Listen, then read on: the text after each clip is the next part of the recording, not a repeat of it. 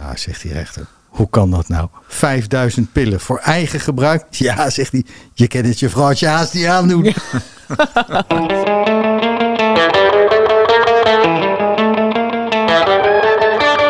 Welkom bij Crime de la Crime, de podcast van strafadvocaten Peter Schouten en Onno de Jong over recht en rechtvaardigheid.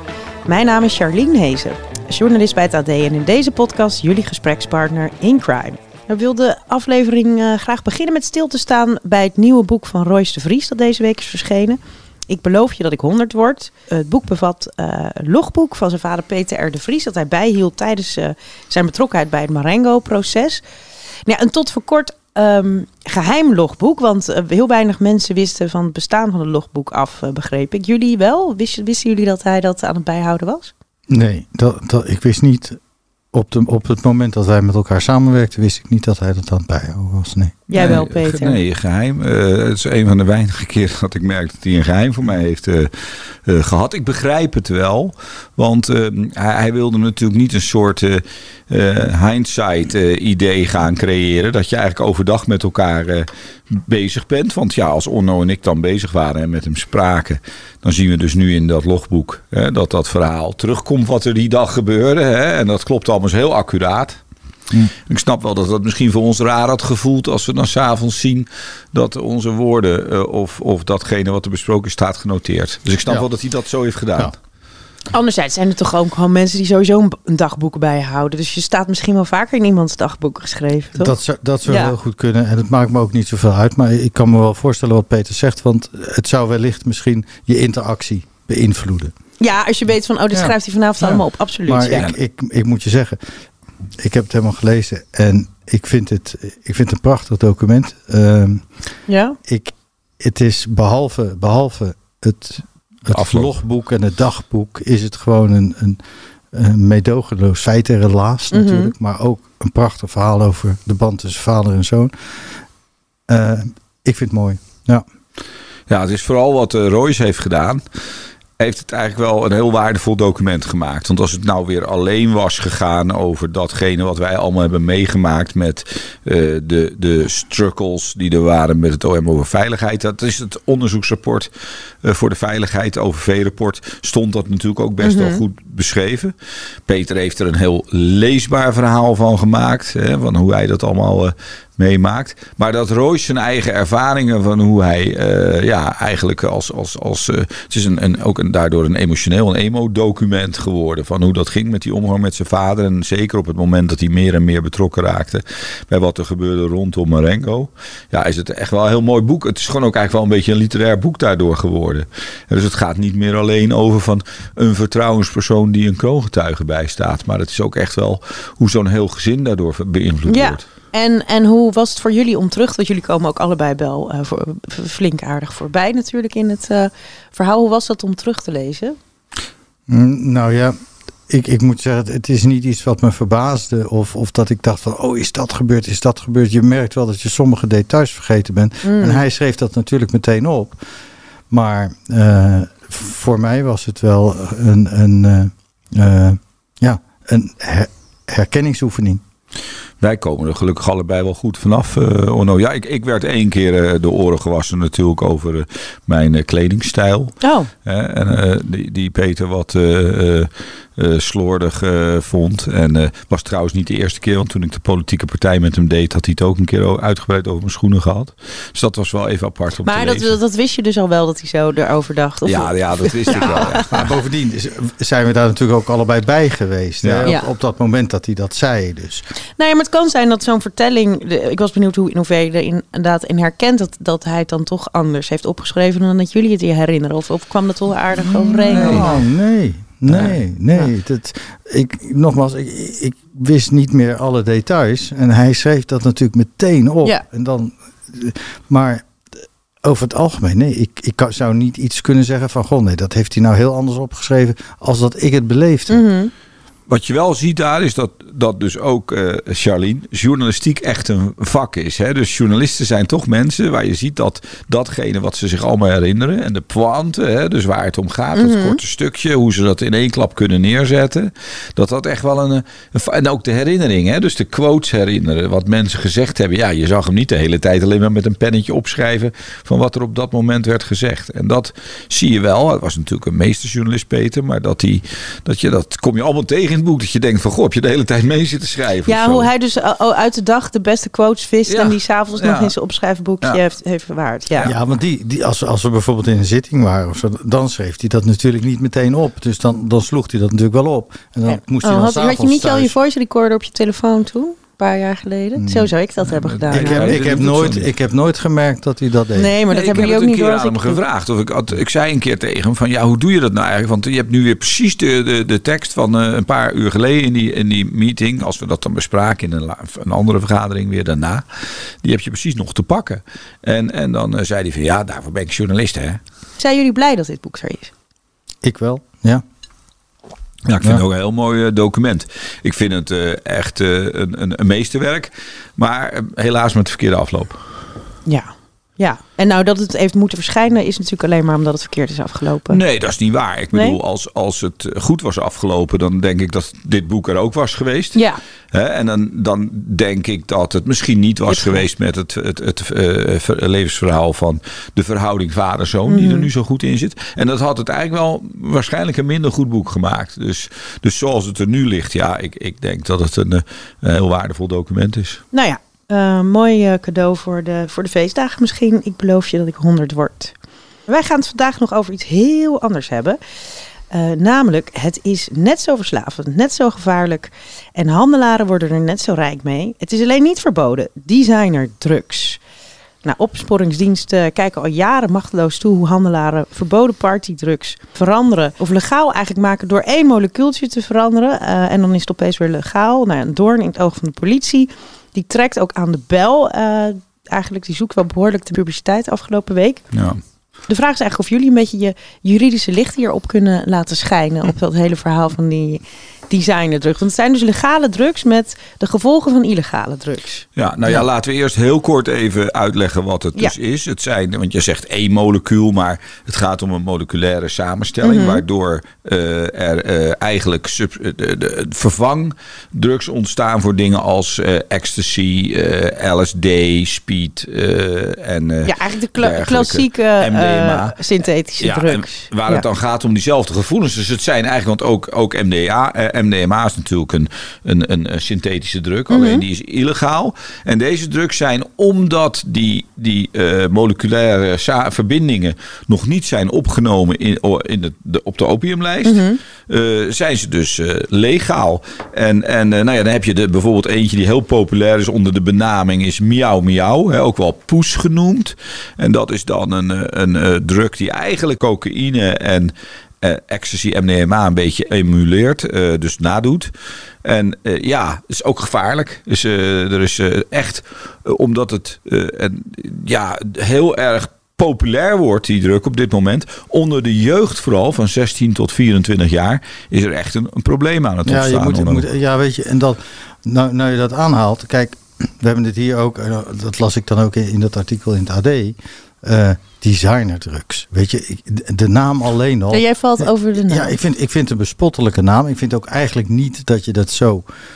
het, is, het klinkt aantrekkelijk, alsof het een mooie bij- designstoel bij- is. Ja, dat- daar, denk je dan aan. Een mooie designstoel, een mooie auto, mooie meubels. Het is belachelijk. Het zijn gewoon keiharde synthetische drugs. Precies wat je zegt, met, met de gevolgen van harddrugs. Waar je gewoon dood aan kan gaan. Dus hou op met designer drugs en party drugs. Noem het gewoon verdovende middelen of drugs. Ja, of nieuwe of psychoactieve, nieuwe Ja, psychoactieve stoffen noemt de politie. Hè. Dat Ja. is NPS hè, afgekort. Eh, ja, ik denk dat Onno wel een, eh, een punt heeft. Eh, Ja, dat, het is toch zo, Peter, als je dat leest, dan iemand van, van 16, design, oh leuk, designer drugs, ga ik even kopen voor vanavond, gaan we partyen. Ja, dat is echt belachelijk. Nou, zo wordt het ook wel. Ja. Dus geadverteerd Ja. en aangeboden. Je hebt eh, bedrijven eh, die dan op een website hebben als de meest beroemde is, geloof ik, funcaps.nl. Dus ja, maken geen reclame, nee. maken, nee, maar goed. Ja, ik zit even Ja, tussendoor. toch ook Moeten we weer- ze noemen? die site? Oké, nou Ja, daar zit misschien ik even hard Ja, over na te misschien, denken. misschien moeten we dat wel eentje. Nee. Die, zullen we het niet doen? Als je wil, wil waarschuwen voor de gevaren van die synthetische drugs. En je wil ook aandacht besteden aan hoe ze gedistribueerd en verkocht worden. Dan denk ik dat je man en paard zou moeten noemen. Nou, en plus, kijk, als je dat wil vinden en je Google designer druk en bestellen, dan heb je die site ook zo boven. Ja. Dus Nou het is ja, niet een. eh, maar je hoeft niet de dark web op natuurlijk. Ouders zien het natuurlijk ook dan dat op de computer thuis naar bijvoorbeeld funcaps.nl Ja. is Ja. eh. Lekkergaan.nl heet er ook eentje, geloof Oké, ik. die, eh, ik, ik kende alleen deze. En ik ken er ook één die heeft meer te maken met zeg maar allerlei medicinale eh, drugs die ook nagemaakt worden. Het heet homechemistry.nl. Het gevaar waar Onno op wees, is, is hij, hij zei van ja, mensen gaan er dood aan. En dat is ook zo. Ik heb zelf een zaak in eh, Breda. Waarbij iemand in een eh, daklozencentrum dit soort zeg maar synthetische drugs, eh, nieuwe hè, psychoactieve stoffen gebruikte. En die is daar dan overleden. En, en ik ben op dit moment bezig om met de weduwe ehm, van die Daniel Bos. Om, om een procedure te beginnen tegen zo'n website. Dat ja, er toch onveilig wordt neergelegd wat die drugs doen. Hè? Er wordt ook op die websites gezegd niet voor menselijk Ja. gebruik. Om dan een soort hypocrisie te laten Ja, dat is nog wel leuk om Ja, even uit te dat ze leggen. dan kunnen zeggen van, kijk, we hebben het Ja. gezegd, hè? je moet niet gebruiken, je hebt het toch gebruikt. Ja, dat is wel leuk om even uit te leggen voor degene. de- Lees vooral het verhaal in het AD terug hierover. Maar wel hoe ze het dus doen. ehm, want ze zeggen dus dat het eh, eh, eh, research eh, chemicals zijn. Dus onderzoeksmateriaal. Dus een klein zakje onderzoeksmateriaal. Ja, maar wat dan? Wat, wat moet Ja, je dat ermee slaat onderzoeken ook- dan? maar ondertussen- eigen lichamen, eh. Ja, om- Ondertussen staat-. Dan, dan is het misschien Ik- onderzoek. ja, want, en dan ze- zetten ze in de verpakking zit er een bijsluiting daarbij van niet voor eh, menselijke consumptie. Maar tegelijkertijd is, wordt- adverteren ze ook als de, als de grote nachtapotheker. En staat er bij al die spulletjes staan er uitgebreid reviews onder. Hoe lekker hard je er dan op gaat precies. En wat je allemaal. Ah. Dus dat is heel ehm, tegenstrijdig lijkt mij. Nou ja, goed, de politie wil dat, die, dat, die, dat hier iets aan gedaan wordt. Want eh, wat er dus nu gebeurt is, dan wordt er weer iets verboden. En dan binnen, binnen een eh, week hebben ze eh, iets veranderd en is het nieuwe product Ja, al... misschien, eh, nog. even goed om uit te leggen hoe de strafbaarstelling Ja. van, van verdovende middelen Ja. bij ons geregeld is. Mhm. Want in, in het buitenland is dat vaak weer anders. Kijk, eh, je vindt eh, strafbaar, strafbaar gebruik van, van eh, verdovende middelen of medicijnen vind je verdeeld over de opiumwet. Hè? En aan de opiumwet daar zitten twee lijsten vast. Lijst 1 en lijst 2. En dat zijn de softdrugs en de harddrugs. mhm. En daar komen dus steeds stoffen bij of er gaan stoffen af soms.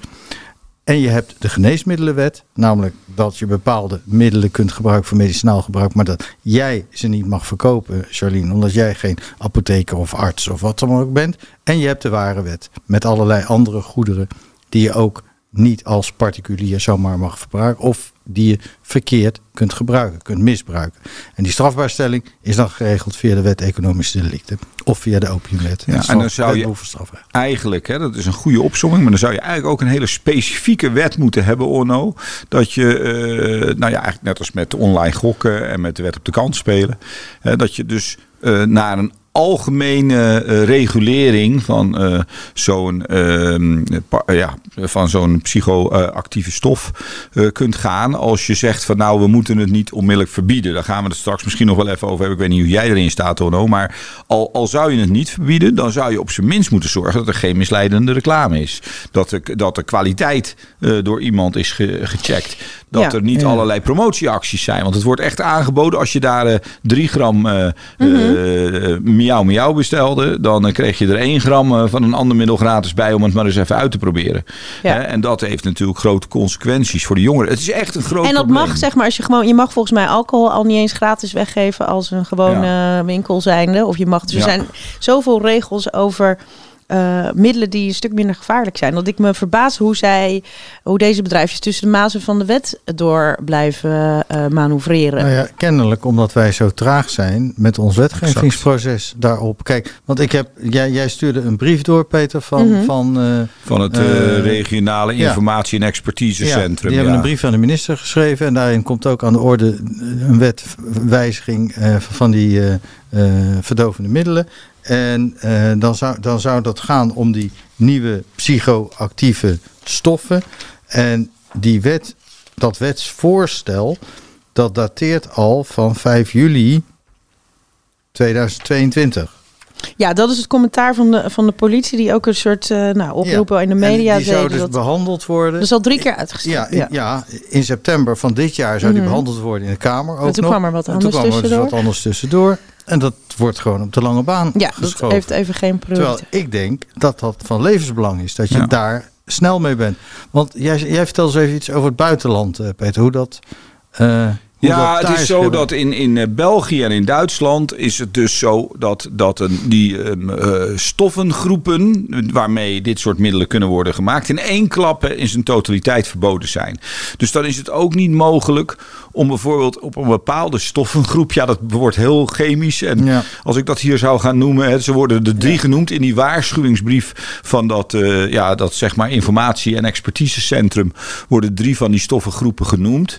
En als je die nou in zijn totaliteit verbiedt, moet je er wel overigens bij meenemen dat eh, je ook de omstandigheden waaronder je deze drugs bijvoorbeeld aantreft, echt moet laten tellen. Ik kan hem een heel simpel voorbeeld geven. Neem nou eens dat er drie verschillende dropveters van jamin, dat als je die bij elkaar eh, eh, voegt hè, in een chemisch proces, dat dat een hele fijne drug zou opleveren. Ja, dan moet je natuurlijk niet zeggen alle ja- jamin-winkeliers die zijn strafbaar, omdat ze die dropveters in de zaak hebben. Snap je? Dus, dus je moet daar wel op letten dat het ook om de omstandigheden gaat. Nou, in 2018, Onno, heeft de Tweede Kamer al eh, nagedacht over zo'n, eh, ja, weet je, een soort dekenwet, Ja, hoe zou je het ja. moeten noemen, hè, een, vang, eh, vangnetwet. Ja. Hè, waarin dan eh, al die, die eh, stoffengroepen en de precursoren, zo heet dat dan met een heel moeilijk woord, dat die dan strafbaar gesteld kunnen worden. Nou, Maar geldt daar dan niet hetzelfde probleem? Dus dat je, je, je, je hebt een stoffengroep en door iets te veranderen, verander je die stoffengroep. Ja, maar dan gaat het- onderdeel van die stoffengroep. Ja, dan alleen als je dat nog breder wil trekken, dan gaat het wel eh, heel. eh, het duurt dan in ieder geval langer voordat er weer een nieuwe stoffengroep is. Maar ja, als je bijvoorbeeld zou zeggen van nou, alle middelen waar je een roes van krijgt, die zijn verboden. Nou, wat voor probleem ga je dan in Nederland krijgen? Ja, of jij, jij drinkt niet. Nee, alcohol dus. Ik las ook dat, deze, eh, dat dit juist niet in Nederland wordt gemaakt. Want we Ja. zijn natuurlijk ook heel goed in ecstasy maken in Nederland, Ja. al van oudsher. Ja. Maar dat, dat dit wordt weer geïmporteerd soms uit India of dergelijke. Dus we zijn letterlijk alleen maar de... Of de... Dit zijn letterlijk alleen maar de handelaren. ehm, die dus... eh, ja, Ja. maar Ja. ook distributieland, hè, Onno? Dat Ja, is natuurlijk ook een- Zeker. ja. En, en qua ecstasy natuurlijk ook wel productieland. Eh, Ja, klopt. Ja, maar er zit Maar dus wel dit echt soort een... Ja, middelen, ja, zeker. die komen vooral uit India. Ja. Dus Ja. want Ik heb gelezen dat daar juist veel, een hele grote farmaceutische industrie. En daar zijn dus veel minder van die stoffen zijn strafbaar. Oh ja, Ja, dus ja, daar is veel te krijgen. En Veel te veel en makkelijk te Ja. krijgen. En India heeft echt een, een industrie van het kopiëren van medicijnen eh, gemaakt. Hè? Want je had natuurlijk Viagra, wat iedereen kende, zijn Mhm. merknaam. hè. Ja, En hebben ze een Kamagra nagemaakt. En, en dat gebeurt dus met deze middelen ook. Het, het wordt dus naar Nederland dan. 90% van die 34.000 kilo, moet je nagaan, die wordt gewoon in Nederland geïmporteerd. Nou, in heel Europa wordt er 8500 kilo in beslag genomen.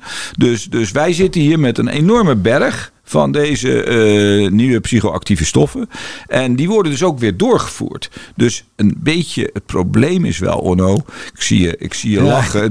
Er komt deze vreselijke anekdote in op. Oké. Nee, ik, zat, ik had een keer een cliënt en die had eh 5000 pillen eh, illegale Viagra eh, bij hem gevonden. En die komt in de raadkamer gevangenhouding. Dat is wel een begin van een Ja. mop, Ja, sowieso. nee, nee, nee, echt niet. Die komt, die 5000 komt in de raadkamer Sorry. en die beweert daar glashard, net als bij de RC, ja, was voor eigen gebruik. dus ook dat zegt hij ook in de raadkamer, ja, was voor Mhm. eigen gebruik. Nou, zegt die rechter, hoe kan dat nou? 5000 pillen voor, ei- voor eigen gebruik? Ja, zegt hij, je kent het je vrouwtje haast niet aandoen. Nou, zie je, Ja, we komen en de moppen komen Zo op. Ja. het. Maar ehm, eh, het interessante vind ik, want dit zijn niet de, mensen die dit verspreiden. Want ze zijn dus officieel, eh, is het legaal. Dus dit zijn niet jullie cliënten doorgaan. Tenminste, de slachtoffers zijn dan jouw cliënten misschien in dit geval.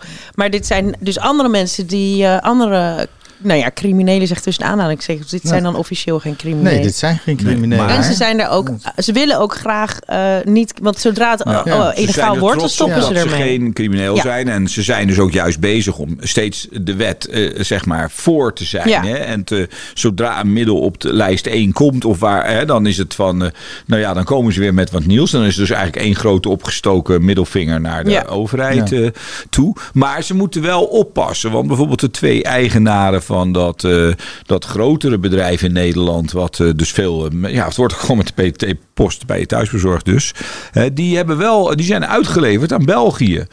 Dus omdat in België het wel verboden is. En Belgen hadden aanwijzingen omdat ze verpakkingen vonden van dit bedrijf, dit, dit mailorderbedrijf. Bij, bij zaken ook waar mensen waren overleden. Er waren doden gevallen. Eh, nou ja, dat heb ik dus ook al meegemaakt in Breda.